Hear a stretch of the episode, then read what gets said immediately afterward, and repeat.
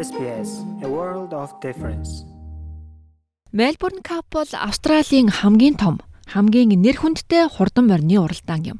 Дэлхийн хамгийн хурдан хүлэг шилдэг унаачийг харах гэж Австралийн өнцөг булан бүрээс олон мянган хурдан морь сонирхогчид Мельбурн хотноо цуглан энэ өдрийг баяр болгон тэмдэглэсээр 160 жил болжээ. Энэ тэмцээн хэдийгээр Австралийн үндэсний соёлын хэмжээнд хүрсэн ч ёс зүй тэр дотороо амьтдын аюулгүй байдал, бооцоод тоглоом зэрэг олон асуудлыг араасаа дагуулсаар өдийг хүрчээ. SBS Монгол нэвтрүүлэг таны гар утас болон цахим хуудасд нийлдэхтэй байна.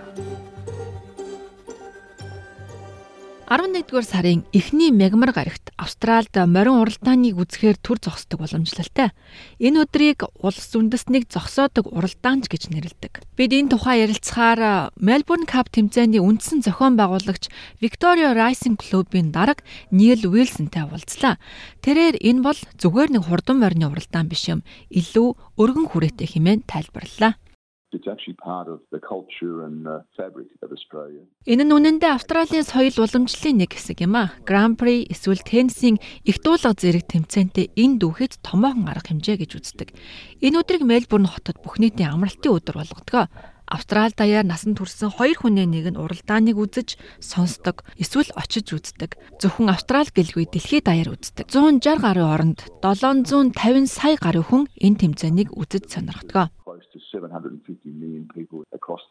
Тэмцээн Австралийн Виктория муж Мельбурн хотноо Флемингтон хэмээх тойруулахад болдгийм. Энэ тойруулга 1840 онд ашиглалтанд орсон 120 мянган хүний багтаамжтай. Мельбурн Кап тэмцээнийг сүүлийн 160 гаруй жилийн туршид тасралтгүй зохион байгуулж иржээ. 3200 метрийн зайд 24 цэвэр цусны 3-аас дээш насны буюу шүдлэн наснаас дээш настай адуу энэ уралдаанд оролцдог. Бид Rising Victoria-гийн мал эмнэлгийн ерөнхий менежер доктор Grace Forbes-ийн тайлбарыг танд хүргье. The thoroughbred is a breed of horse and Морин уралдаанд уралдаж байгаа бүх адууг төрсэн цагаас нь эхлэн Австралийн үржлийн номонд бүртгүүлэх ёстой байдаг. Энэ бол ямар нэгэн нохооны шоунд өрсөлддөг нохоотой адилгүй гэсэн үг юм. Энэ бол хүч тэнцвүүлэх тэмцээн юм. Морины гарааны жин, нас, хурдан морины унаач өмнөх амжилт зэргээс нь шалтгаалan нэмэлтжин моринд үүрэлдэг. Ингэснээр морь болгонд төрүүлэх боломж тэнцүү байдаг. Мельбурн Кап болох өдөр Флемингтон цэнгэлдэхэд 300 гаруй мянган хүн цугладаг хэмээн Ноён Вэлсон ярьсан юм а.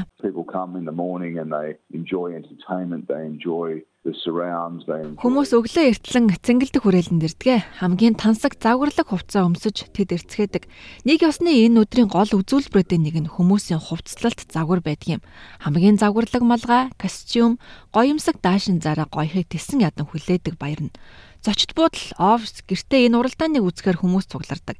Тэд энэ үдшилтэд очихдоо ч мөн дэгжин хувцас малгайтайгаа очицгоодог. Австралчуудын хувьд 11-р сарын эхний мегмар гараг энэ онцгой мөчийг улс даяараа тэмдэглэдэг хаврын анхны баяр юм.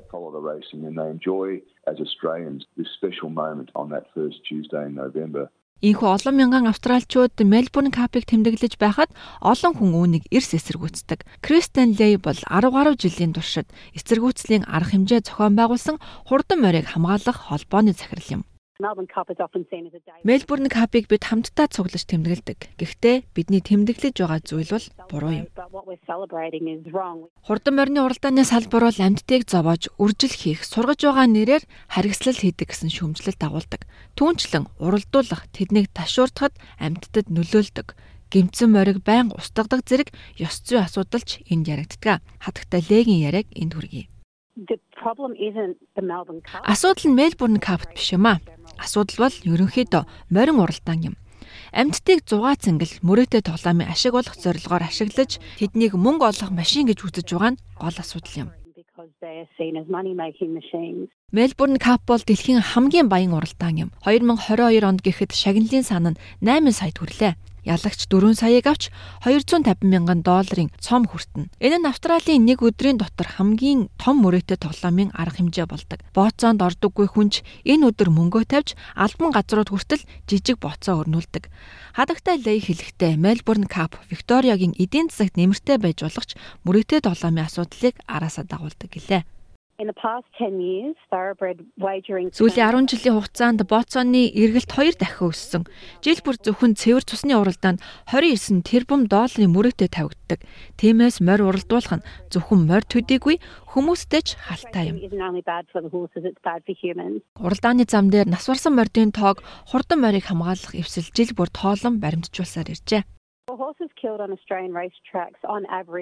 2.5 өдөрт нэг морь уралдааны зам дээр үхэж байна. Хөшигний ард шархацсан, ам өргөцсөн олон мянган морь байдаг. Тэднийг бид хизээч мэдэхгүй өнгөрдөг. Сүүлийн 10 жилийн хугацаанд Мельбурн Кап баярын үеэр Фламингтонд гэхэд 8 морь өглөө. Энэ хамтад их хэмжээний шагналын төлөө уралдаанд орж тэндээс авсан бэртлээсээ болж амнасаа алд. Нэгэнд гимтсэн морийг имчлэх, сэргээх нь үнэтэй цаг хугацаа их шаарддаг учраас тэднийг зам дээр нь устгадаг. Гэхдээ энэ тэмцээний гол хариуцагч ноён Вэлсон тэмцээнээ хамгаалж амьтдын аюулгүй байдалд илүү анхаарал хандуулж байна гэсэн юм а. Доктор Грэс Форбс хэлэхдээ түүний багийнхан гимтлийн төвшинг бууруулах журам гаргасан. Морь уяачдын аюулгүй байдлыг ханах нь тэдний нэн тэргүүний зорилт юм гэж ярьлаа. 2022 онд бид мал эмнэлгийн хэд хэдэн протоколтой болж аюулгүй байдлыг хангаж байна. Бид дэлхийн хэмжээнд цэвэр цусны морин уралдааны аюулгүй байдлын хамгийн сайн үзүүлэлттэй байгаа. Гэсэн хэдий ч бид илүү сайн болгохын төлөө хичээх болно. Энэ тэмцээнд орж байгаа унаачд болоод адуунд тохиолдог хамгийн түгээмэл гэмтэл бол хугарал бэртэл байдаг. Доктор Форбс хэлэхдээ эрт илрүүлэх нь хамгийн чухал гэлээ thoroughbred racehorses love to run. Гэмтлийг эрт үе шатанд нь илрүүлэх нэг арга бол айхан онцлогоо юм. Мужийн засгийн газартай хамтран адуунд зориулсан анхны суурин компьютерийн томографыг худалдаж авлаа. Өмнө нь морийг ерөхийн мэдээ алдуултанд оруулж байж ингэж харах боломжтой байсан. Харин одоо энэ хүчин аппаратын тусламжтайгаар морь зогсож сэрүүн багт нь маш наривчилсан сканер хийх боломжтой болж байна. Ингэснээр бид хурдан арга хэмжээ авч чадна and enjoying what they love doing, then we don't have the sport. Гэсэн хэдий хурдан морийг хамгаалах эвслийнхэн хүмүүс амьдтыг харгислаж, мөрөгтэй тоглоом тоглохгүйгээр сайхан хувцлаж ирээд цагийг зугаатай өнгөрүүлэх өөр арга замууд байгааг ч онцолж байна. Бид амьтныг хайрлаж, хамтдаа цугларч, хандив цуглуулах болон тэдний тусын тулд өөр янз бүрийн арга хэмжээ хийж болно шүү дээ.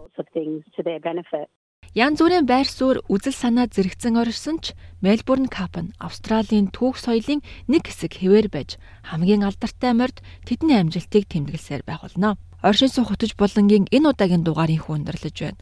Та мөрөгтэй тоглоомд хайртай хүмүүсээ алдсан бол тэднийг хэрхэн аврах тухай нэвтрүүлэг сонсвол нэвтрүүлгийн тайлбар хэсэгт бид орууллаа.